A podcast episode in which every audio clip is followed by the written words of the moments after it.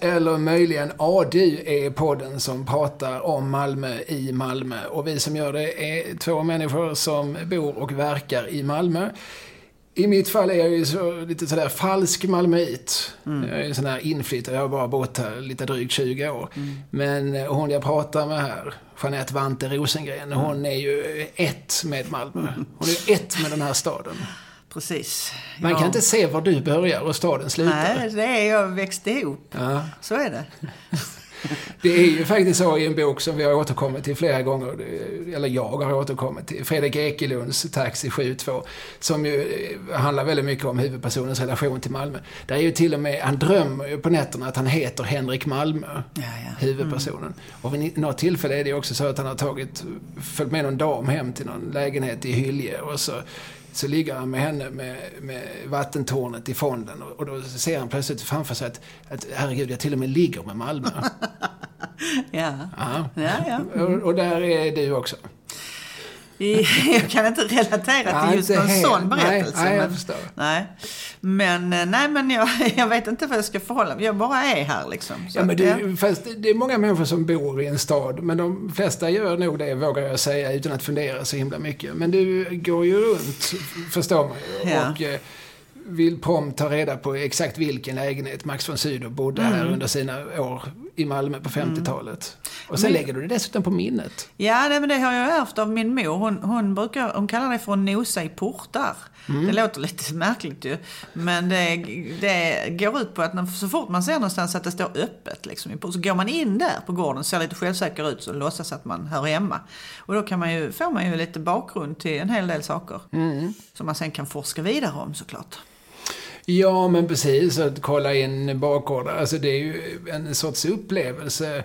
Eh, man kan gå förbi samma hus i 20 år, så plötsligt en dag står porten öppen. Och precis. så inser man, vänta, där finns ju en värld som har funnits så tillgänglig men ändå så stängd för mm. mig så länge. Det har jag varit med om några gånger. Just själva upplevelsen. Mm. Aha, mm. det ser ut så här här. Det hade jag ju verkligen ingen aning om. Precis. Nåväl, detta är det femte avsnittet av eh, den här eh, succépodden, mm. vågar vi väl kalla det. och eh, vi har pratat om diverse saker. Senast pratade vi om Malmöskildringar i skrift. Och den här gången så tänkte vi då prata om Malmöskildringar i musik, i mm. toner. Mm. Mm. Vi har gett varandra i uppgift, vi ska ta fram fem låtar. Jag har tänkt så här, som fem, de fem låtar som är mest Malmö. Mm. Hur har du tänkt? Ja, jag har tänkt så här att man explicit måste sjunga någonting, eller att texten måste det finnas någon Malmömiljö. Mm. Så har jag tänkt. Och sen tänkte jag inte att nödvändigtvis artisten behöver vara från Malmö. Men Nej. nu har det ju nog blivit så i rätt så många fall. Inte alla. Nej, men då har vi tänkt likadant. För vad jag är ute efter är att det är, det är nog ingen kvalitativ skala om man nu inte tycker att, att Malmö är synonymt med bra. Ju mer Malmö, desto bättre mm. låt. Men jag, jag, är inte säker på att det är de fem bästa låtarna som råkar ha någonting med Malmö att göra. Utan det är bara de som jag upplever som, som väldigt eh, genuint förankrade i staden. Mm. Och som ger mig någon sorts eh, känsla av Alltså när jag hör den här låten, då får jag dels en känsla av musiken, men jag får också en känsla av Malmö. Mm. Ja, men jag förstår. Och tycker du det har varit lätt att hitta? Nej, men det är inte alldeles. Det är inte helt självklart hur man går tillväga. Och det kanske vi ska säga inledningsvis, alltså band som man tänker sig som typiska Malmöband. Mm. Det finns ett som heter Wilmer X. Precis. Som väldigt ofta alltså ett band som ju är väldigt liksom, förknippat med sin stad, väldigt älskat av sin stad också, mm. och som alltid har älskat tillbaka. Mm. De sjunger ju påfallande sällan om Malmö. Precis. Jag kan inte erinra mig, jag bläddrade lite. De har ju en diger katalog mm. och Nisse Hellberg har skrivit många låtar. Men det är påfallande sällan som några Malmömiljöer nämns vid namn. Precis, det är också min spaning. Mm. Det är ju väldigt mycket enklare att hitta låtar om Stockholm såklart, eller andra städer. Ja, men väldigt många Stockholmsartister, så här, liksom Ulf Lundell har ju skrivit jättemånga låtar liksom där på, på Hornsgatans ödestråk. Mm.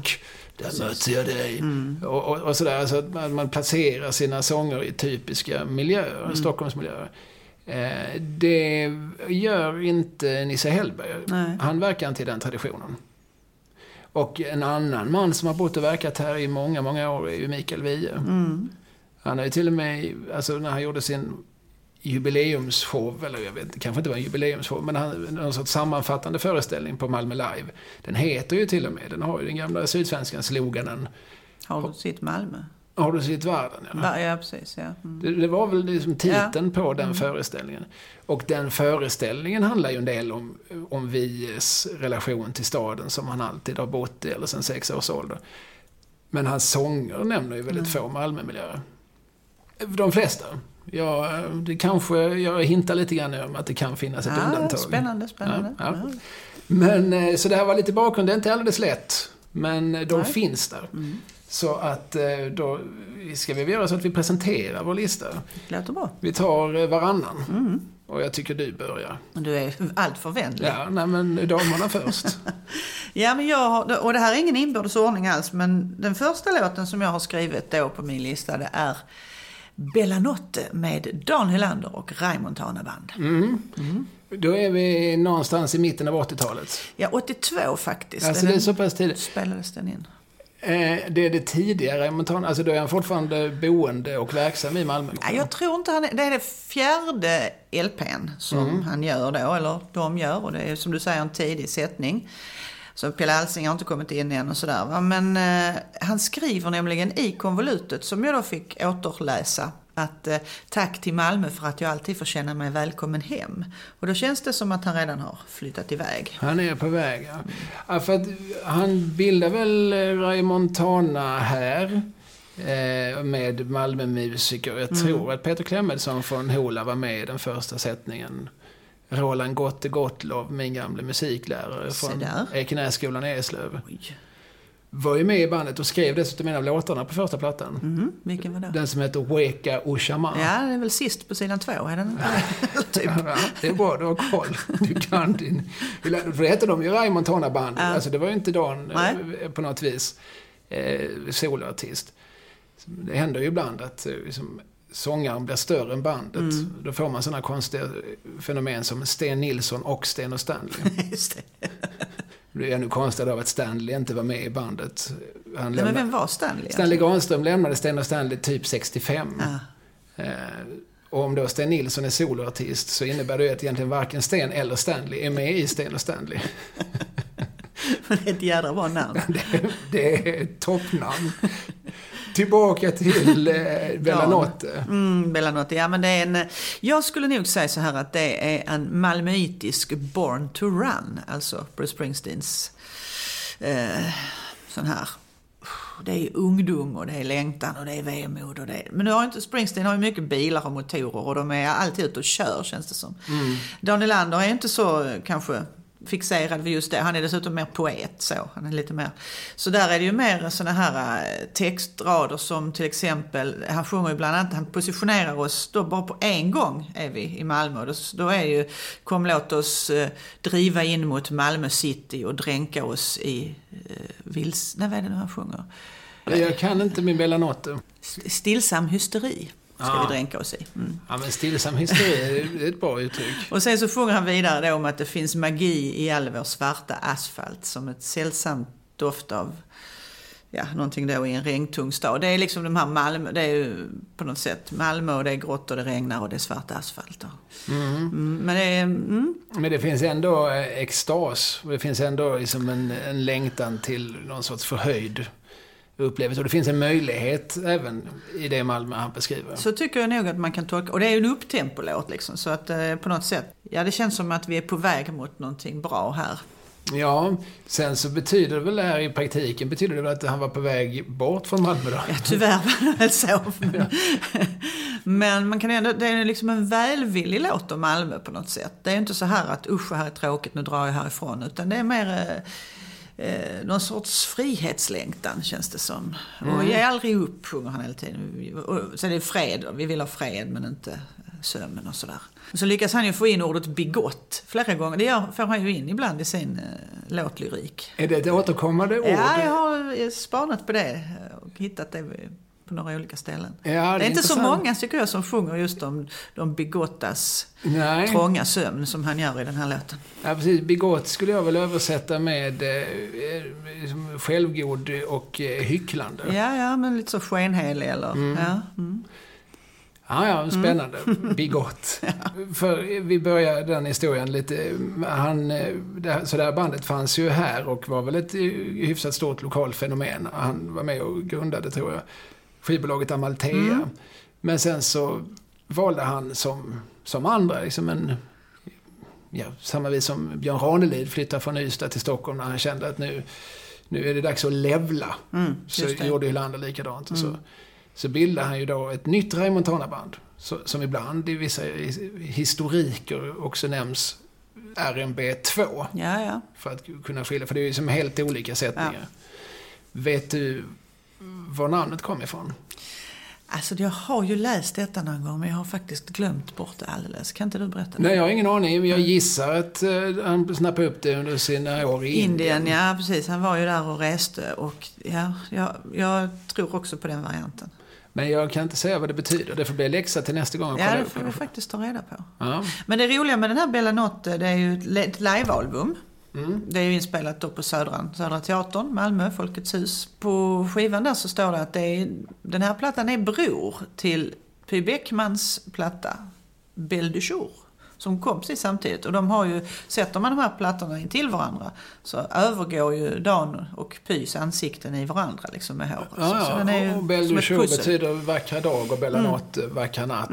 Visserligen på två olika språk, men ändå två syskonspråk. Precis. Franska och italienska. Ja. Då hade de precis träffats och var deeply in love. Antagligen var det så ja.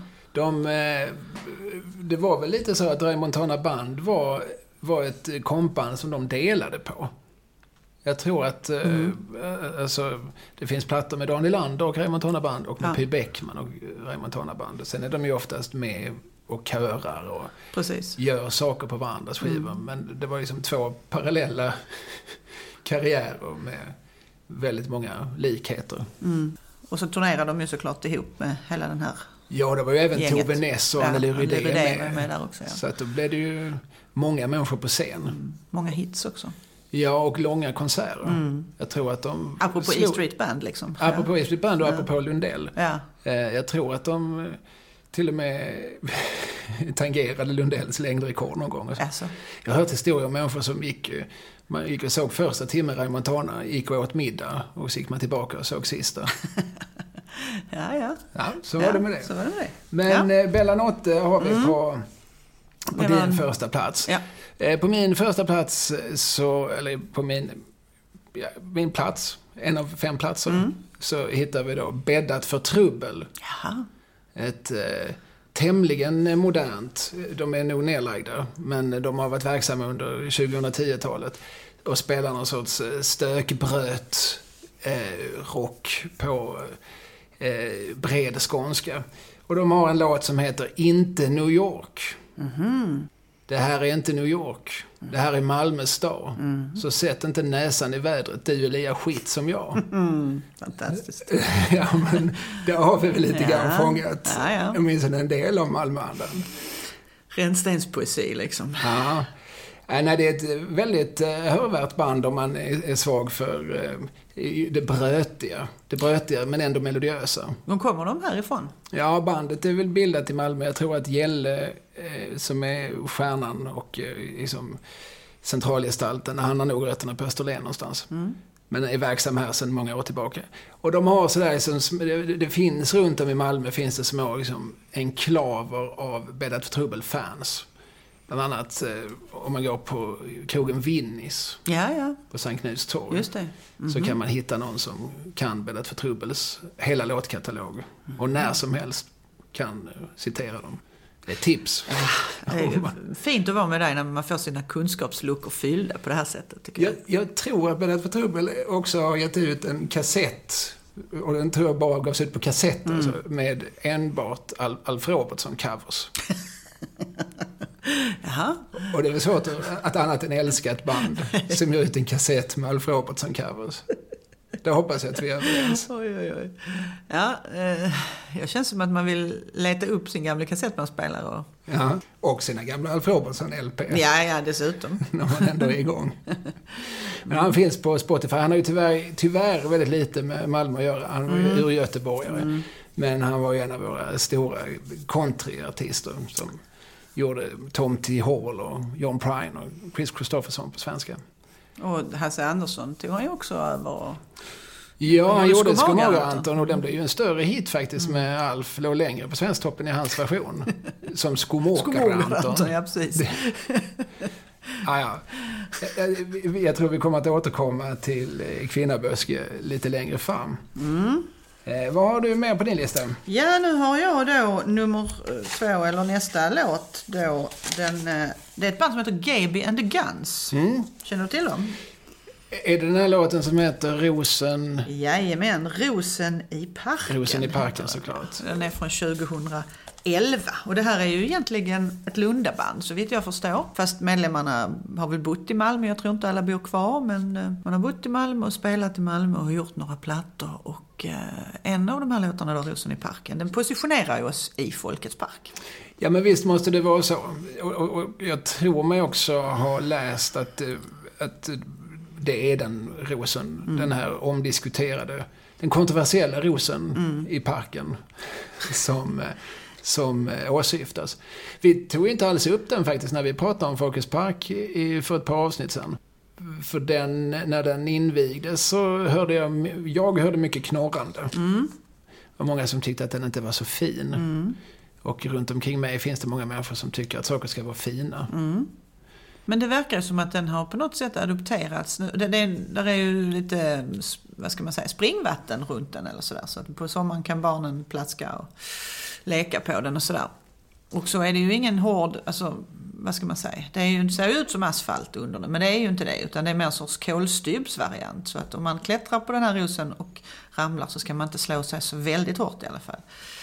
Eh, och det tycker jag mig märka på mina dagliga promenader i denna park, att den är väldigt liksom, lekvänlig på något vis. Jo, jag har haft minst tre söner som har hoppat runt där. Mm. Eh, det, jag, när jag tänker på rosen i parken, då, då, finns, när jag visualiserar, sluter ögonen och visualiserar, så ser jag ju någon liten blondhylt skitunge som råkar innehålla mina gener studsa runt, runt omkring den. Så att för mig så, så får ju den där rosen omedelbart positiva mm. eh, konnotationer. Och den här låten är ju, den framkallar tycker jag någon sorts, som en känsla av att, ja men nu, och det kanske inte ens säger säsongen, men jag får en känsla av att nu är det sommar. Mm. Nu glider vi förbi eh, Coop på Möllevången och så köper vi lite folköl. Mm. Och eh, så ses vi där vid rosen och sen så kanske det inte blir mer än att vi lägger oss på någon av gröningarna. Och sen så blir det en ganska bra kväll. Mm, jag tolkar den ungefär så också faktiskt. Och vi är unga och vi är glada, livet ligger framför oss. Och det är tralligt och poppigt och glatt liksom. Ja. Slussen sjunger de oss om i den här låten. Möt mig vid Ros, möt mig vid Slussen. Slussen i Malmö är det inte så många som, som vitt jag vet, har sjungit om tidigare. Nej, normalt om Slussen nämns i en sång så kan man väl förutsätta, alltså de flesta gör det, men det måste väl vara den där Slussen i Stockholm som mm. de bygger om. Just det. Ja, och som vi alla, oavsett var vi bor, förväntas vara engagerade i. Mm, mm. Det måste väl vara den de menar. Men nej, just det, det är Slussen borta vid, där vi kanot, eller vad heter det, Roddarföreningen. Ja, ja, precis. Eh, man tänker inte riktigt på den som en sluss, nej. nej. Och slussplan det, kanske är det man säger mest i så fall här. Precis. Det var ett tag sedan det var sluss. Mm. Mm. när, när slutade vara sluss? Nej, jag vet inte riktigt Va? Där. Vet du ingenting om Malmö? det är för dåligt. Ja, det ska jag också ta med mig i läxa till nästa gång och prata just om det. Men det har väl inte varit den typen av, av eh, sluss ändå som man normalt tänker sig. Men eh, nej, i min ungdom så var det ju ett sånt där ställe där det, det liksom gick såna här rykten om att äh, Slussplan, det är där bara står en massa bögar och ja, du vet. Det var mm. liksom... Var det ett cruising-stråk? Ja, så kan man nog säga. Äh, inte för att jag vet om det var så, men Nej, det ja. ryktades om detta. Eh, det vet jag att även Ribban, sa, alltså parkeringarna på Ribban, mm. sades fylla samma funktion. Eh, det går väl att ta reda på. Mm. Det kanske vi också skrev en läxa Ja. huruvida. Olika i Kolla upp olika, ja För precis. Ja. Nej men kolla upp just så här, ens ungdomsrykten. Kolla Ja. hur mycket sanning det låg i dem. Just det. kan väl vara spännande i sig. Mm. Gabby and the Guns, eller Gaby and the Guns. Eh, Rosen i parken. Mm. På min eh, andra plats så har jag en man som vi absolut inte förknippar med Malmö, men som har bott här åtminstone på deltid i många år. Har du honom på din lista också? Är det Cornelis Vreeswijk? Nej. Nej. Nej, Cornelis tror jag faktiskt aldrig bodde i... Eller han bodde ju här när han spelade Spelarna på taket på Malmö Stadsteater 68. va? Då bodde han här ett tag. Och ja, han spelade nog... Han fick nog lite engagemang i några, ytterligare några föreställningar. Jag bodde på Hantverkargatan faktiskt. Ja, Mm. det förvånar mig inte alls. Där har väl även Lukas Moodysson bott. Jaha. kan vi säga är en av de, de stora konstnärsgatorna då. Ja, ja. i, Malmö. Men, ja precis. Nej, okej, det hade kunnat vara Cornelis, men jag, jag kan inte erinra mig att han har gjort några låtar med Malmö-tema. Det borde jag ha kollat upp. Han har skri- han- han skrev ju en låt som heter Visa till Gagga. Mm, precis. Och eh, det kan ju du berätta vem Gagga var. Ja, Kristina Kamnert som var skådespelerska på Malmö Stadsteater i väldigt många år, mer än 25 år. Hon kallades för Gagga. De hade en romans. Och eh, så skrev han den låten till henne. Och den ligger på hans eh, dubbel-LP, Poem, ballader och lite blues från 1970. Eh, den har väldigt lite med henne att göra. Mm. Va? Alltså det är någon konstig berättelse om någon soldat som ger sig ut i krig. Mm. Men det är en titel som har förbryllat många. Mm. Visa till Gagga. Mm, just det. Men det var, det var, alltså vi är inne på ett totalt stickspår här. Ja. För att det, det är inte Cornelis utan Nej. en av hans, skulle man kanske kunna säga, arvtagare. Mhm. Som jag syftar på. Sven-Joakim Eriksson Thåström. Ja, ja, naturligtvis. Till bluesen i Malmö tänker du på Ja, precis. Ja. Som en tämligen ny låt från hans eh, i skrivande stund senaste album. Jag tror albumet heter Centralmassivet. Mm. Och den är skriven i hans lägenhet på Kirseberg. Mm. Gerlaxgatan. Som han inte längre har kvar. Eh, Men eh, om han stod i sitt fönster där så tittade han rakt ut på tågspåren. Just det. Och den här sången är skriven alldeles uppenbart i någon sorts, och det har han själv vittnat om, alltså, eh, det är någon sorts lyckorus. Klockan är två på natten.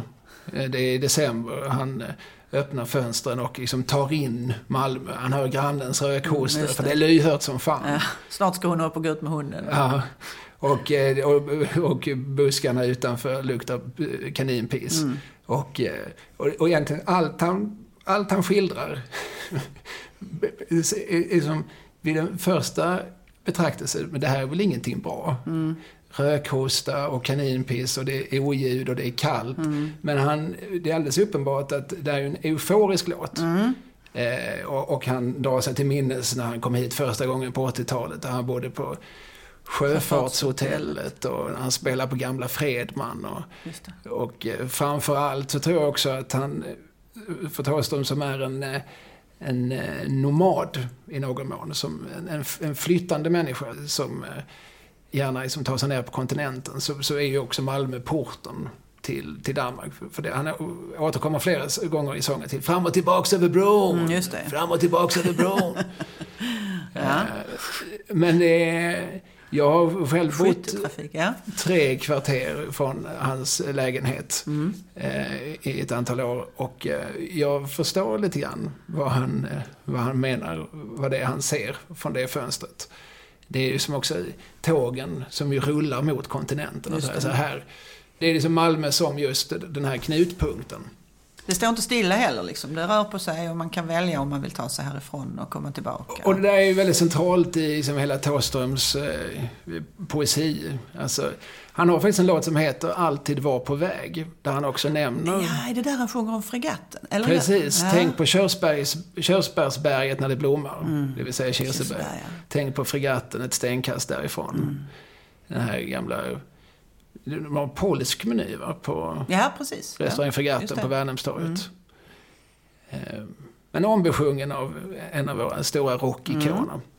Trots att den är, sjungs på urstockholmska Mm. så ger den mig en, eh, väldigt mycket en, en Malmökänsla. Ja, men det tycker jag också. Och man känner ju sig nästan som man blir överkörd av de där tågen som han sjunger om. Det är en liksom trumlande liksom, känsla i den här Ja. ljud...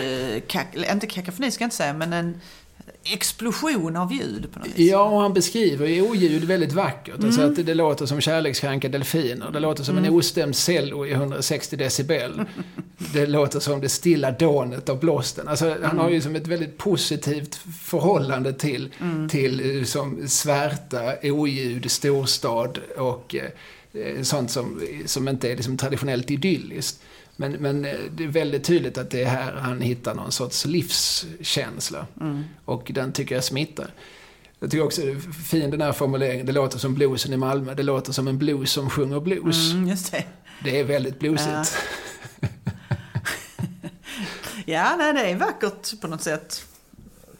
Och där har vi också det här liksom ett utifrån perspektiv. Någon som kommer någon annanstans ifrån. Man skulle kunna kalla det nästan ett invandrarperspektiv. Han bodde ju här eh, på deltid ett antal år eftersom han hade barn i stan. Och bodde väl här efter vad jag förstår typ en, vecka i månaden. Eh, och då satt han där och liksom spanade ut över tågen mot Europa. Och eh, trivdes nog med känslan av att, att ha kontinenten bara liksom, en kort tågresa ifrån sig. Sjunger han inte till och med om att man, de är på väg mot Berlin eller någonting sånt där? Är det inte något med syd... eh, Mm, ja. Det, det gör han säkert. Det är någon vers som innehåller många eh, konsonanter. Som, där jag inte har lyckats dechiffrera exakt. För jag tror han nämner, jag tror han nämner en massa märken på tågvagnar Ja, och så är sådär. det nog ja. Mm. Och de, eh, de har inte jag järnkoll på. Nej. Där har jag en kunskapslucka som jag såklart skäms över. Ja. Ska, ska vi gå vidare på din lista? ja, precis. Och nu, jag, jag liksom är så gammal så jag måste ju slå upp vad jag har skrivit. Men nej, men vem vore jag om jag inte sa att ett av de här numren är Karl Pedal? Ja, vem vore det? Ja. Då skulle jag gärna vilja gissa vilken låt. ja, gör det.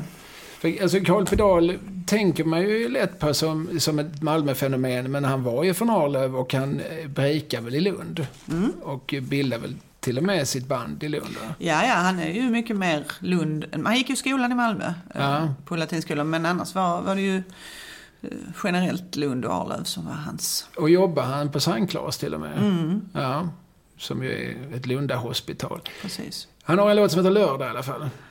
Där Ja. nämner han ju Stippes. Det är helt rätt. Det är precis den låten, Lördag. Det är alltså från 1980 kom den här plattan, heter Svarta fåret. Och den är rätt mycket Kalle själv kan man säga. Med några från Pågarna, alltså från, från Karl Pedalbandet. Men också en hel del från Raymond Tana Band just eftersom det var Dan Nylander som producerade den här skivan. Och också var medförfattare på ja, någon låt och hade skrivit någon låt och sådär. Det är till och med någon låt på den skivan som både Hylander Mm. och Carl Pedal har sjungit in. Den här om två munkar som är ute och går och möter en, en fager dam. Precis. En, en lång berättande historia med någon sorts sådär allmängiltig moral. Eh, Du har fortfarande henne kvar i tankarna men jag har släppt henne. Le, bla, bla. hjälpte henne över vattenpölen liksom. Ja, ja. Jo, Eh, precis. Som är ganska atypisk Carl Pedal skulle jag säga. Betydligt mer hylandersk än Mm, dalsk. ja. Och Ka- Kalle gör den lite snabbare. Men hur som helst, lördag då, det är ju en veckoslutsfanfar kan man säga. Det är en sån här, eh, jag har pengar på fickan, det är lördag och nu ska vi ut. Och jag, eller så här, jag har gått om flis, följ med mig min gullegris, ungefär. Och de, som du säger så sitter de på Stippes. In kommer Knuda och säger Dixies på Södergatan. Sjunger han då. Knuda, det är ju Janne Knuda såklart, som då får ställa upp eh, som vår sagosman i den här låten då. Och då ska man ju ut och så ska det bli slagsmål. Det är ju det som är liksom det underförstådda i låten. Men så, det är ju en fantastisk beskrivning också av när han sjunger så Jag har riktiga li som sitter as-tight. Jackan är cool, frisyren dynamite. Alltså, det är bra. att rimma as-tight på dynamite. Det är, Det är en sorts eh, Malmöpoesi Ja. skulle vi kunna säga. kan man väl verkligen säga. Den är långt ifrån Svenska Akademins poesi. Mm. Är- Men ja, eh, och vad är det för en låt i original? För det jag gissar att den hade, ett, eh, hade någon sorts förlaga. Ja, säkert. Säkert. Ja, då släpper vi den Ja. frågan. nej, men, men det är i alla fall en låt som väldigt tydligt är placerad i Malmö. För Mm. lördagsfeeling kan du förmodligen förhoppningsvis få i de flesta, flesta, de flesta ställen i världen. Men, Mm. men det här är inte bara en lördagskänsla i största allmänhet. Den är inte bara placerad i tiden utan också i rummet. Mm. Och Stippes kan ju alla som har varit i Malmö relatera till tror jag.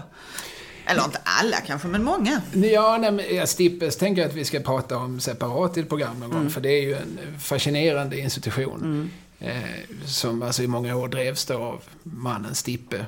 Eh, och som ligger på David Hallsgatan. Mm. Och eh, som hade öppet när få andra ställen hade öppet. Precis. Eh, och som återigen spelar en central roll i boken Taxi 72 av Fredrik Ekelund såklart. Mm. Som är vårt liksom ledmotiv här. Ja, det igenom. lite så. Mm. Eh, för att det var ju såklart ett ställe där även dit taxichaufförer gick eftersom de hade så generösa öppettider. Mm. Carl Pedal, har Ja. är det någonting mer vi ska tillägga om... Vi Nej. förutsätter att lyssnarna har en relation till Carl-Göran Ljunggren. Ja, det tror jag Ja, nästan. annars får ni se till att skaffa det. Mm. Det finns en, en tjock bok om Carl Pedal. Jag vet inte vem som har skrivit den. Ja, det, är, det är en kille som heter Peter Dahlqvist Ja. och lilla jag. Lilla du var med på ett hörn där också. Ja, den är såklart läsvärd. På min tredje plats, det här kan vara eh, obskyrt. Det kanske inte ens att du känner till det. Oj, ja, det. Bandet heter Billy the Vision and the Dancers. De har jag, alltså jag känner igen namnet naturligtvis, Ja. men låten då? Lå- nå- Låten heter Noble Square. Oj, Var utspelar den sig? ja kanske på Nobeltorget. Alldeles riktigt. Där ser man. Meet us there at the Noble Square if you wanna change the world with us. Billy the Vision and the Dancers är ett band som egentligen har Blekingerötter. Eh, vill man vara exakt, Bräkne-Hoby. Oj, Vill man vara ännu mer exakt, Hjälmsa, strax utanför. Eh, därifrån kommer Lars Lindqvist som är eh, ledstjärna i Billy the Vision and the Dancers, som dock var ett band som bildades i Malmö. Men mestadels med Blekinge-folk. Bland annat John Dunse var ju med Jaha, ja. inledningsvis. Och han har ju såklart eh, malmöitiska rötter. Eftersom hans far heter Per. Per. och, Och, eh, mamma är Ingalill. Ja, Som heter hon ju- Ingalill eller heter hon Ingela? Ingalill tror jag? Ingalill, som, var med i Mixed Media. Ja. Just så. Precis, så att, eh, där finns ju som ett gediget malmöitiskt musikaliskt arv. Men Per Dunsö, som ju jobbade ihop med Ola Ström i många år och gjorde Solstolarna och Toffelhjältarna och Dörren och Sångbåten och Drömplanket och Gammalt och Nytt och Kosmos, ic- icke att förglömma. Samt såklart TV-shopsreklam. Ja. Eh, han flyttade sen hem till, för han hade rötter i Blekinge, på just Dunsö, som är en ö i Blekinge skärgård. Och så att eh, sönerna Dunsö är mestadels uppvuxna i, i Blekinge. Men John Dunsö var med i de tidiga upplagan av Billy the Vision and the. Dancers. Som har gjort en herrans massa skivor och eh, som eh, spelar en sorts eh, skör, livsglad, väldigt queer pop. Jag är ett stort fan. Vad spännande. Ja. Och, Det här är en upptempo-låt då, Nobel Square. Ja, det, ja, det får man väl säga. Det, det, ja, men det, är väl, ja, det, det är nog midtempo. Men, men den, den har också en sorts eufori i sig. Det finns en... Okej, nu har jag liksom flyttat hit till den här stan. Det är väldigt mycket det perspektivet. Nu har jag kommit till den här stan som, som jag först har varit lite rädd för. Men nu så börjar jag känna att men vänta, här finns ju människor, här finns ju vänner, här finns ju ett sammanhang. Så låt oss nu tillsammans samlas på Nobeltorget och förändra världen. Det är liksom nästa steg på listan. Det är lite grann stämningen i sången. Ja, intressant. Nobeltorget är ju också en sån här... Dalaplan och sånt där har ju folk sjungit om, men just Nobeltorget verkar vara en tidigare obesjungen plats, eller? Mm. Jag kan inte erinra mig att det nämns på så många ställen. Nobelvägen har ju en av eh, Malmös eh, mer obskyra men också väldigt eh, flitiga skildrare. Det vill säga Henrik Möller, Ja, ja. filmaren, Mm, just det. gjort en film som Precis. heter Ja. Och som utspelar sig på. Mm. Den handlar om en eh, vandring i princip från ena änden av Nobelvägen till den andra. Ja. En, en udda sak till, till film. Eh, nej men eh, Nobeltorget kan jag inte säga är särskilt eh, ombesjunget. Men det gör sig bättre på engelska inte? Nobel Square ja, låter ju... det låter ju väldigt stiligt och ståtligt får man säga. Det finns ju en teori om att det också är därför liksom Nobelpriset, själva priset har fått, fått sin höga status i världen. För att det är inte världens största pris. Det är inte världens äldsta pris, men det är förmodligen världens mest kända pris i sin genre. Och det finns en teori om att i den engelskspråkiga världen, att det har den statusen, inte minst på grund av dess klang. Mm. The Nobel Prize. Ja, det låter ju... Låter ju tjusigt. Absolut. Ja. Man hör fraset av siden och klirrandet av dyra armband och sådär. Rasslet av juveler och ja, glittret ja, av guld. Ja, visst, visst. Ja. Billy the Vision and the Dancers, alltså Nobel Square ja, de ska jag gå hem och lyssna på sen faktiskt. Tycker jag. Mm. mm. Vad har du på din lista? Du, nu har jag, eh, om jag säger Spångatans Liza Minnelli, vad säger du då? Jag säger Eva Rydberg. Ja, det är rätt. Och då tänker jag ju på eh, Malmö, Malmö. Ja, just det. Text Åke Arenhill. Precis.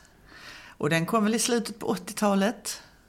Jag, du, jag, jag ska säga att jag känner inte alls till den här sångens eh, historia. Jag tror det är du som har nämnt den för mig första gången när vi ja. gjorde en annan podd ihop. En podd jag gör som heter Snedtänkt som du, gäst, som du gästade. Ja. Då nämnde du den här sången och eh, sen var jag ju tvungen att söka upp den då i Sveriges Radios register och då noterade jag också då att, att det var Åke Arenhill, en mångsysslare mm. som gjorde julkalendern 1980, Jul på Möllegården, som också har skrivit låten Kirseberg, du är det bästa, du är en festja och Kirseberg. Som, Var? Vem har sjungit detta? Ja, men det tror jag var någon sång som skrevs till något Backa-jubileum eller så. Men det finns många, jag har träffat Sissela Bent till exempel, som, som ju är born and raised på Kirseberg. Mm. Hon, eh, när jag började sjunga den så, så började hon liksom i samma sekund eh, så stämde hon in. Och då hade hon inte hört den på 20 Ett år. Ett anthem liksom ja, på Kirseberg. och det fanns liksom i hennes centrala nervsystem sen skoltiden. Skolavslutningarna. Mm. Man kan höra den tusenhövdade barnakören. Just det. Ha. Ja. Men eh, tillbaka till Malmö. Malmö mm. ja, den, det är ju såklart... Mm. New York, New York. Ja. Och eh, Eva Rydberg sjunger ju då, alltså är ju rim som, alltså just om man tänker på Mal Malmöheten, eller det vi pratade om för några gånger sedan. En av stroferna går så här. Paris och New York. Ah, häng dem till tork. Nu ska jag pudda en gång till. Malmö, Malmö. Va? Ja, det är bra det, ja, det finns ju också som en kaxighet. Det, alltså det finns ju lite olika spår i, i, i de, någon sorts Malmö-attityd. Eh, ibland kan man ju bli liksom trött på den, det har vi pratat om innan, att, att det också finns någonting att alltså ingenting är lönt, skitsamma. Mm. Eh, jag bryr mig inte. Mm. Det är lite, lite tradig attityd, mm. men, det, men det, det, här, det är verkligen en underdog. Mm. Om man liksom tycker liksom Paris och New York jag behöver inte dem. Jag, jag har vad jag behöver här. Det finns ju också någonting... På ett vis kan man ju tycka vadå, att det liksom vittnar om en brist på nyfikenhet mm. och sådär. Men, men, på ett annat sätt så... Nej, men jag är nöjd med vad jag har. Mm. Jag, jag, behöver inte dem. De kan komma där och... och liksom. Ingen ska säga till mig att jag ska åka ut i stora världen. Liksom. Nej, och, Sen det här att använda den sången och skriva eh, om andra städer. Det, jag hade ju några år innan Eva Rydberg så gjorde ju After Shave det. Borås, Borås. Jaha. Till exempel. Mm -hmm. Och det är säkert, jag kan tänka mig till de flesta lokalrevyer att man någon gång har sjungit. Om inte, kanske inte i Hallstahammar för det är för långt. Men... Hallstahammar får det bli då. Det, sången i alla fall, du nämnde Liza Minnelli där och mm. det var ju faktiskt hon som gjorde den mm. först. Mm. Jag tror många förknippar den med Frankie Boy, mm. Old Blue Eyes i första hand. Men, mm. och den skrevs ju för filmen New York, New mm. York, som Martin Scorsese gjorde. När var det då? Ja, alltså jag skulle säga 77. 77 kanske, ja. Eh, men det var hans hyllning till den sortens eh, musikfilmer och musikalfilmer som han växte upp med. Mm. Han är ju mest förknippad med sina gangsterfilmer, men Scorsese har ju gjort film i 25 olika genrer. Mm. Och alla är ju någonstans, det är alltid liksom en hyllning till, till det han själv växte upp med. Han är ju liksom en, som man säger, filmbuff. Mm. Han har haft folk anställda hemma hos sig som bara suttit och spelat in film från olika tv-kanaler och sen liksom kategoriserat. Så att, det är så? Ja, det, det, finns olika rykten om att han har världens största privata videobibliotek och sådär. Eh, Detta apropå Eva Rydberg. Spångatan nämnde du, ja, där är hon uppvuxen. Där är hon uppvuxen, ja, och det är det som heter Spånehusvägen idag. Alltså eh, ungefär vid friskolan. Där växte hon upp. Och eh, blev tidigt underhållare, medverkade i Folkets Parks amatörparader och ja, spelade teater för Margit Järle, en sån här berömd person som många gick och tog lektioner hos. Och eh, eh, ja, när jag tänker på det här när hon sjunger, den här, där är också en rolig, rolig rad där hon, där hon sjunger jag fnattar runt igen i mitt Malmö, Malmö. Alltså fnatta på och sånt. Det är så typiskt malmöitiska uttryck. Mm. Som hon har lyckats, eller Åke Arenhill har kokt ner till henne i den här essensen. Det Ja. påminner mig om ett eh, Malmöband som jag s- tyvärr inte kan säga att de har skrivit någon Malmö-låt. Det har de säkert gjort, men jag har inte hittat den. Men är problem i alla fall. Ja, Eh, Med Stefan Ahlqvist, som var ett eh, garagerockband som debuterade i slutet på 70-talet. De sjunger ju i någon av sina låtar att han örlar runt. ja just det. Då, då känner jag mig också hemma. Ja, är, När någon örlar, örlar. runt. jo, Men fn- Fnatta runt och örla runt, Ja. det, det gör man i den här landsändan. ja. Vad har På du nu då? min, ja, på min fjärde plats så tänkte jag faktiskt nämna, jag sa ju inledningsvis att Mikael Wiehe inte har varit särskilt placerad i staden och geografin. Men en av hans låtar kan vi absolut säga, minst en av hans låtar kan vi säga att den här, den här måste ta plats i Malmö. Och då heter den ändå Basin Street Blues. Ah, ja, ja. Hans uppväxtberättelse. Ja, precis. Kamrater som Det var- hamnar på olika ställen i livet. Ja, det är Göran och Kenneth och Harry och jag Mm. eh, som eh, samlas hos Harry och spelar ihop Mm. på det långsamma temat till Basin Street Blues. Bom, bom, bom. Ja. Ja, det är en av mina, är nog med på min topp fem Vie faktiskt. Mm. Eh, jag tycker om frasen Själv åker jag runt med ett rock'n'roll-band. En vinddriven kung i ingen mansland. Just det. Och så är det någon som går alltid i slips och kostym och någon hamnar på hispan. Och, Är Ja. det inte så va? Han sa han var bror till John Lennon. Ja, just det. Det var ju därför. Mm. Eh, och, eh, och, och, och när han rör sig fram och tillbaka i tiden, nu, när han är i nutid, så berättar han att han träffade Torbjörn på stranden en dag. Eh, han sa att han hade det bra. Han hade gift sig och skilt sig och gift sig igen och jobbade mest med reklam. Ja. Jag tycker det är liksom, verkligen liksom att sammanfatta Ja. ett människoliv. Mm. Men vi vet att den utspelar sig i Malmö. Alltså nu råkar vi veta att vi är uppvuxen där, men det hade ju kunnat vara en rollsång. Mm. För att, det har han ju skrivit, jag är en av de som slavar på kung Keops pyramid. Till exempel. Den utspelar sig ju i Egypten. vad vi vet. Det är vi rätt säkra på att han inte gjorde. Det hade förvånat mig. Så gammal är han inte. Nej. Men där nämns nämligen att eh, en av de här gamla spelkumpanerna börjar jobba på Skånska Cement. Mm. På kontoret, precis som sin far. Mm. Och då vet vi, då är vi i Malmö. Då är vi absolut i Malmö. Ja. Mm. Då är vi på det som så, som så småningom blev ännu mer känt kanske, som Skanska. Mm. Ja.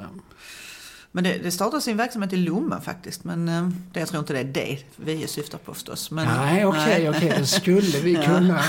För jag tror faktiskt det är den enda, enda liksom konkreta geografiska Ja. angivelsen som finns i sången. Och Är det någon annan som har sjungit om Skånska Cement mer än vi då? Nej, inte Det- vad jag vet. Det är också unikt. Ja, det skulle vi kanske... Vem skulle det kunna vara som... Det skulle kunna vara Kalle Pedal igen Mm. då. Han, han är ju i Lomma i alla fall. Han drömmer ju om Lomma, en av sina... Mm, vi sitter och flummar där. Ja. Nej, eh, jag tror Skånska Cement är en relativt obesjungen Mm. arbetsplats. Jag får våga säga att det är inte, så här vågar jag i alla fall säga, det är inte ett av rocklyrikens vanligaste ord. Nej, inte om man skulle haft med hela alltså, så Skånska Cementgjuteriet. Nej, det, blir, det, går ju sällan in på metern. Nej. Men då har vi liksom en nostalgisk Malmöskildring från, eh, från eh, Ja. vad det blir då ett 50-60-tal. Eh, som vittnar också om han beskriver ju också någonstans en resa från liksom, det trygga pojkrummet där de sitter då tillsammans och tar ut eh, liksom, Hot Five. Alltså, Precis. alltså Louis Armstrongs gamla, gamla eh, kvintett och tar ut hans gamla arr. Och det, liksom, det börjar i den här jazzen Dixieland som ju Mikael Wiehe och eh, även Göran Skytte och så här har sina rötter i.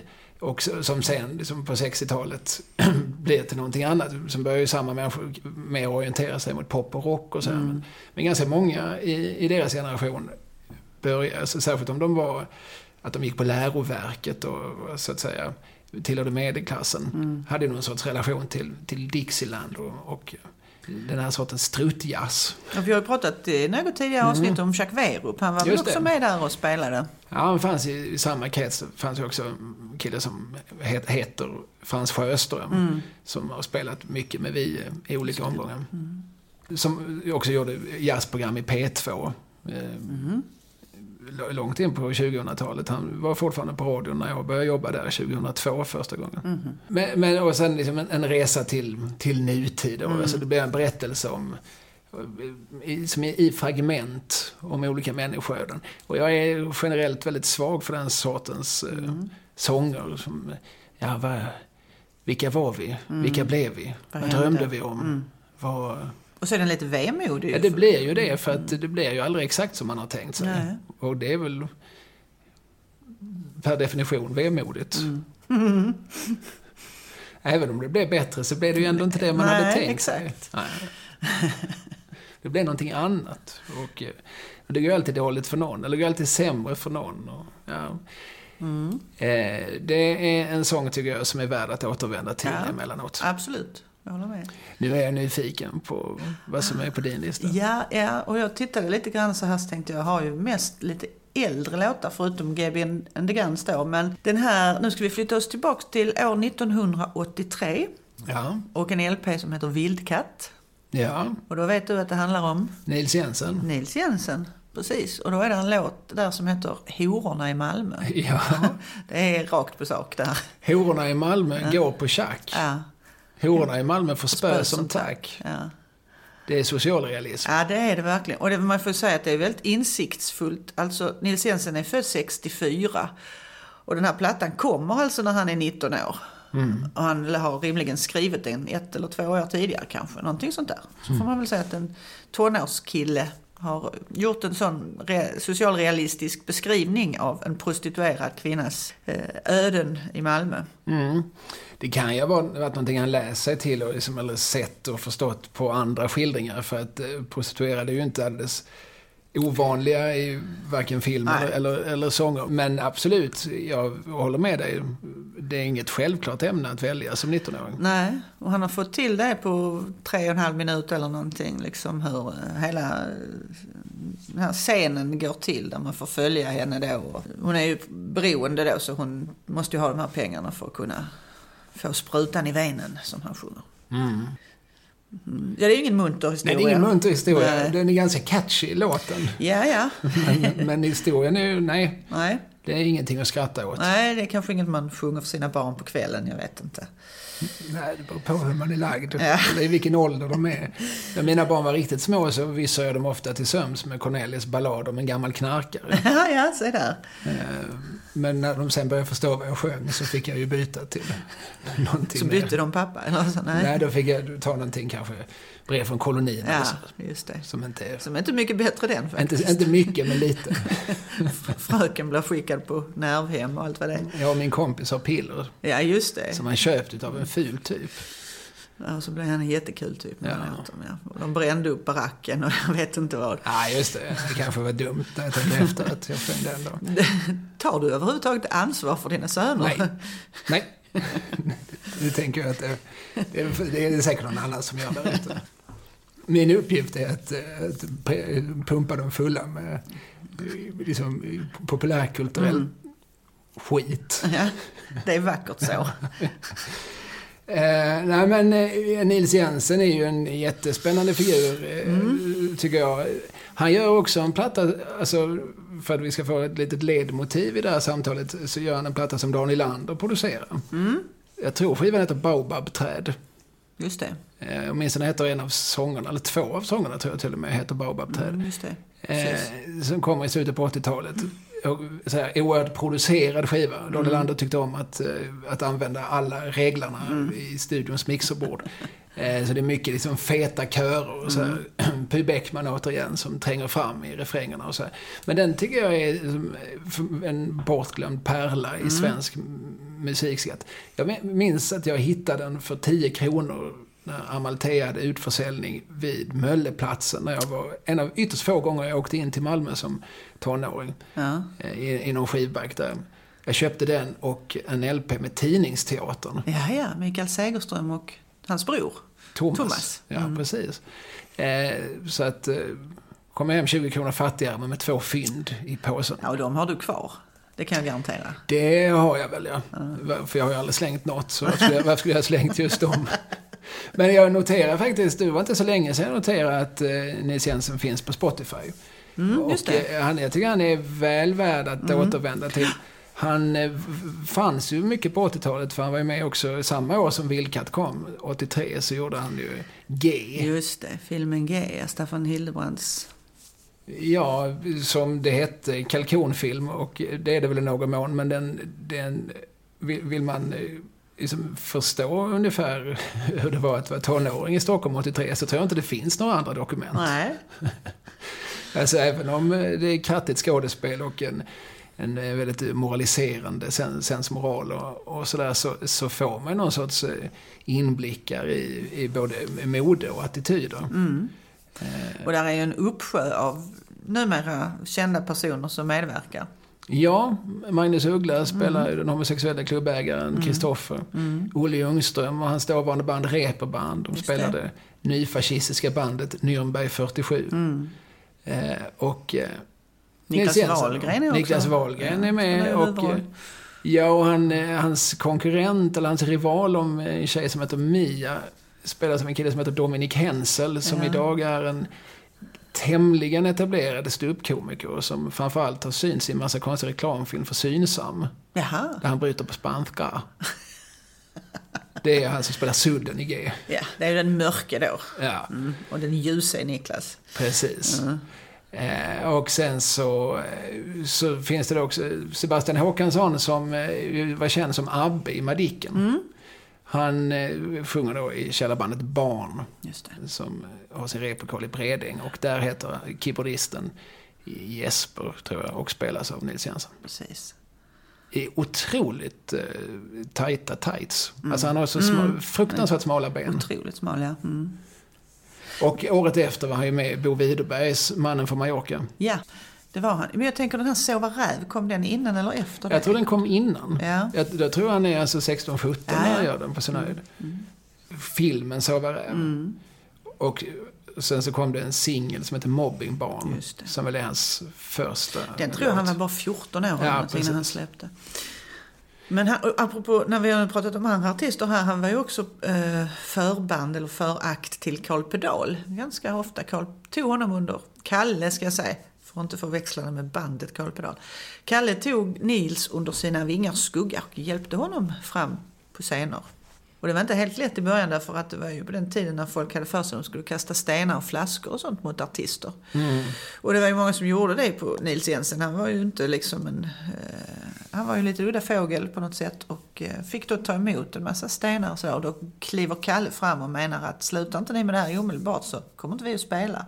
Så här gör man inte. Så då slutade publiken med det. Alltså. Ja, Det var för. Carl Pedal löd man. Han löd man. Ja.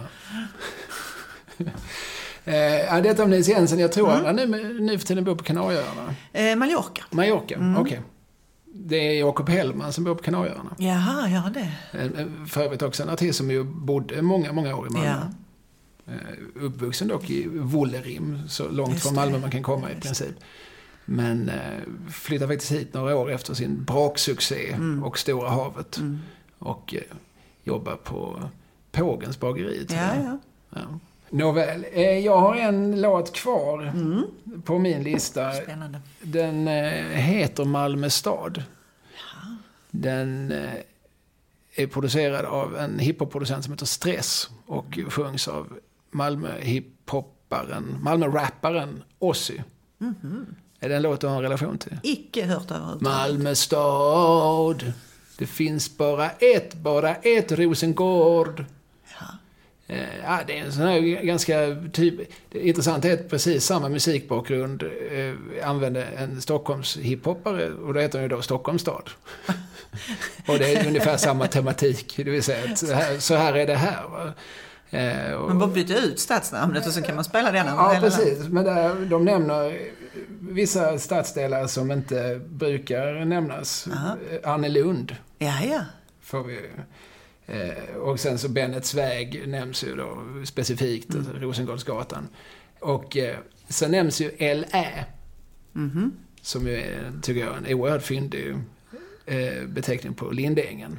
Oh ja. Mm -hmm. Som jag tror att det framförallt var bandet Advance Patrol med mm. Juana Banna och Gonza Blatteskånska som lanserade. För jag tror de är uppvuxna på, mm. åtminstone någon, någon är från Kroksbäck, någon är från Lindängen. Mm den är ju inte helt eh, begriplig om man inte är, liksom, är nere med ortenspråket. Mm. Eh, den här Malmö stad. Just, Vad handlar den om då? Ja, men det är ju som små impressioner från, från liksom det hårda livet i Malmö. Men samtidigt som innehåller liksom alldeles uppenbart eh, ljusa glimtar. Ljusblå himmel, har du kush eller mush? Vad betyder det? Ja, vad betyder det? Har du pengar kanske, eller nej? Jag tror kush är någon form av narkotiska preparat. Aha. Och jag tror att mush är att vara eh, säljare. Alltså, alltså, egentligen, jag tror att frågan egentligen kan översättas, ska du köpa eller sälja? Aha. Som man eh, kanske säger när man går på Ja, det ska man säga. Gång, Precis, det tror jag. För om, du, om du känna liksom att du pratar samma språk ja, som... Precis. Ja. Nej, men den är, den är väldigt eh, skön. Den, i, I hela sin framtoning. Den lunkar fram på mm. ett... Eh, jag måste säga att den här liksom, Stockholmsversionen, den känner jag inte att den eh, passar liksom, stuket på låten. Den har en sorts lojhet mm. som jag mycket väl kan liksom, förknippa med ett eh, som, sommar, sommartrött, eh, asfaltsdoftande förorts-Malmö. Mm. Eller vad ska vi säga, miljonprograms-Malmö. Mm, mm, Den, eh, Ingen git att ta sig till ribban liksom. Man sitter där på ja, Lindängen någonstans. Precis. På någon gård, och eh, känner sig ganska, ändå liksom ganska stolt över vad man har. Mm. Eh, ja, det, det, är inte sämre här än någon annanstans i alla fall. Nej. Nej. Lite grann den andan.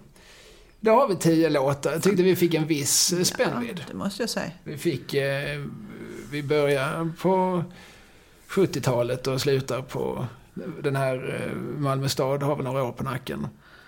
Eh, men vi spänner över lite tid. Ja, ju säga. Vi rör oss lite fram och tillbaka geografiskt. Mm. Och även musikaliskt. Mm.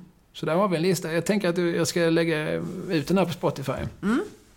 Så kan man hitta den där. Vi kanske kallar den Adus Malmölåten. Ja, jag tycker det låter trevligt. Har du några eh, bubblare? Ja, men det har jag faktiskt. Och då, jag tog med mig de här. Uh, CD, det är två CD-skivor. Mm -hmm. Så det är, jag ska inte presentera alla de låtarna. Men det är ett... Det var ju eh, projektet Malmövisan som ja, du kanske det. är bekant med. Kulturföreningen Gyssla som har gett ut. Det är ju Linkan Lindqvist och Bo Anders Dahlskog och de samlade ihop sina kompisar. Det var ju Peps och Timbuktu och Mikael Wiehe just alla möjliga. Ehm, är inte hon också med, Anna Maria Barve? Jo, Anna Maria Barve är med och eh, vad heter hon? Eh, Ingrid Savbrant, kan hon heta det? Det kan hon heta. Du har ju skivan framför dig. Ja, jag borde kunna läsa innantill faktiskt. Men här är ju oerhört bra. Det här är ju gamla, liksom, åt skillingtryckshållet. Gamla visor från 1800-talet och början på 1900-talet som de sen har gjort i en, ja det kan ju vara reggae-versioner och allt möjligt. Men bland annat så är det då en, en som heter Lisa Karlsson som är med på den här Tjuvade viftar. Och då, denna Lisa, melodin är ju Känner du Fia Jansson som bor uppe på Söder? Då vet du ju vilken låt det är. Ja, den skrevs i original av eh, Stockholms revykung, tid, alltså sekelskiftet 1800-1900-tal, Emil Norlander. Känner du Fia Jansson som bor uppe på Söder? Eh, hon har två vindögda bröder. Ja. En av dem heter Hammar och en heter Skröder. Just det. Eh, det var ju roligt på den tiden att man hade två bröder med olika efternamn. Ja, och de var vindögda dessutom. Ja, men det indikerar ju också att modern har haft mer än en karl. Ja, ja, precis. Det räckte för att få då, dåtidens publik att slå sig på knäna. Av skratt. Nej, det är ju en svängig låt. Ja men det är det ju. Och, och när de gjorde om den här Lisa Karlsson då någon gång i Malmöhistorien så handlade det om Lisa Karlsson som, då började så här, känner du Lisa Karlsson som suttit på väster? Vet du vad det betyder? Nej, det låter som att hon suttit på ett spinnhus eller på Mm. någons, eller antingen på dårhuset eller på kvinnofängelset. Ja, och på väster låg ju, eller ligger ju fortfarande slottet Malmöhus som ju då var ett fängelse. Just så det. hon satt i finkan helt enkelt. Så var det. Mm, Och då satt hon ju på cellfängelset där, för det var där kvinnorna satt. Det minns jag när jag själv jobbade på Malmökåken som ju, ja den ligger ju fortfarande men där sitter inga tjuvar längre på i Kirseberg. Eh, att de berättade om när de flyttade sina skurkar från Malmöhus till eh, Kirseberg. Det gjorde de 1912, 14? 1914. Eh, att då gick de ju då kedjade längs med Norra Vallgatan och så stan och kastade sten på dem. Mm. Ja. Det var ingen vacker Fick de bild. schavottera på sin Golgata-vandring, ja. Ja, just det. F- Från den ena inlåsningen till den andra. ja. Nåväl, ja, men Lisa Karlsson har alltså, suttit Ja, på... Hon har suttit på, och så berättas hennes då, eh, berättelse om att hon egentligen är en fabriksarbeterska och det berättas om att hon har jobbat på Doffeln och på olika trikåfabriken och allt vad det nu är. Och sen så bär ju inte detta sig, det är egentligen en väldigt tragisk historia så att hon flyttar ut, eh, ja hon bor i Humlegatan, hon är en av humlorna, alltså en av de prostituerade. Och sen så flyttar hon ut på Yster, alltså till dig där på Kirseberg. Och eh, och de, de rimmar också syster och yster, yster, alltså som öster. Ja, och så Funkar på dialekt. Precis, och så bedriver hon den näringen där ute istället då hos sin syster och så vidare. Det är ju en tragisk visa men på en väldigt eh, trallig melodi. Ja, Mm, och där säga. får man inte bara eh, en upplevelse som gör att eh, det rycker lite i, i, i danstarmen. Utan dessutom så får man en liten inblick i hur det var att befinna sig längst ner på Mm. samhällets botten. För sisådär en hundra år sedan. Precis. Ja. Tjo vad det viftar. Mm. Ja. Ja, Jag vill nämna också, innan vi avslutar, vill jag ju nämna eh, en av stadens stora söner. Ja. En, av mina, en av mina många barndomsidoler. Hasse Kvinnaböske. Ja, ja. Såklart. Var växte han upp? Du, växte inte han upp någonstans vid Sankt Knuts torg vill jag ha det till? Ja, det vill du ha det till. Mm. Hans bror Jonny var väl för övrigt en av Carl Pedals, eh, inte bara bästa vänner, utan också hans eh, huvudroddare. Ja, precis. Ja. Ja. Eh, och Hasse Kvinnaböske, sen flyttade han just till Kvinnaböske uppe på, vad heter den? Heter det Bjärehalvön? Ja, eh. Men han är ju härifrån och i en av sina absolut bästa sånger, Ann-Kristin. ja. Varför sitter du här i mörkret? Ljusräkningen är i alla fall betald. Så eh, då rör han sig i Malmö, för att då, då tog vi en tur. Han berättar ju att han, sen tog vi en tur ut till Jägersro. Jägersro, Där var det mycket folk och stämning kan du tro. Jag fick ett tips som nära på gick hem. Men det sprack till slut. Så Kenneth bjöd på taxin hem. Ja, just det. Jag, för, jag bara inbillar mig att det är en väldigt representativ berättelse om en, någon sorts loser. Det. Sångens jag är ju en loser. Ann-Kristin är ju ännu mer loser för att hon har ju gjort misstaget att, att flytta ihop med honom. Och hon sitter där och väntar och väntar och maten kallnar och allt vad det är. Ja, visst, jag skulle köpa lite räkor. Ja. Det var något mer. Ett par flaskor vin. Men du förstår att kvällen den blev lite livad. Mm. Och ölen som bjöds, den var kall och fin. Just det, hon får inte ens mat när hon får sitta där och svälta i Ja, mörkret. precis. Så eh, för att han tog ju bara en tur till Jägersro Mm. och, och där var ju härligt liksom. Och så glömmer han Ann-Kristin där hon sitter. Varför kunde inte Anki få följa med till Ja, Jägersro? varför inte? Och det är ju också en sån här liksom, vers som, jag- som jag, jag hör så många människor jag har träffat genom livet säga detta till, till sina respektive. Jag vet att du vill ändra på min stil. Du vill ha hus och ungar och en bil. Ett liv som kanske skulle passa dig. Men det livet, det fick du leva utan mig. Just det. För jag är ju en äventyrare. Jag har ju byggt vägar i öknen och seglat som obefaren jungman. Ja. Eh, Vad gjorde han mer? Någonting med kol i gruvorna? Hackat kol i gruvorna i Wales. ja. Borrat olja på en plattform i Atlanten. Så att ändra på mig nu är nog för sent. Jag tycker att den är en sån här missförstådd låt. Mm. Alltså, där folk inte heller liksom riktigt vill gå med på ironin. Alltså Hasse Kvinnaböske är ju på Ann-Kristins sida. Alltså, det måste man ju förstå Mm. i den här. Det är samma på... Den här är från Eva-Lena också va? Exakt. Det var precis den jag skulle komma till. Eh, nej men för att de är från samma LP som, som då heter Änglahund. Mm. Hans, eh, Hans och Kvinnaböskebands tredje LP. Eva-Lena som stack till stan en dag, som inte vill vara kvar längre.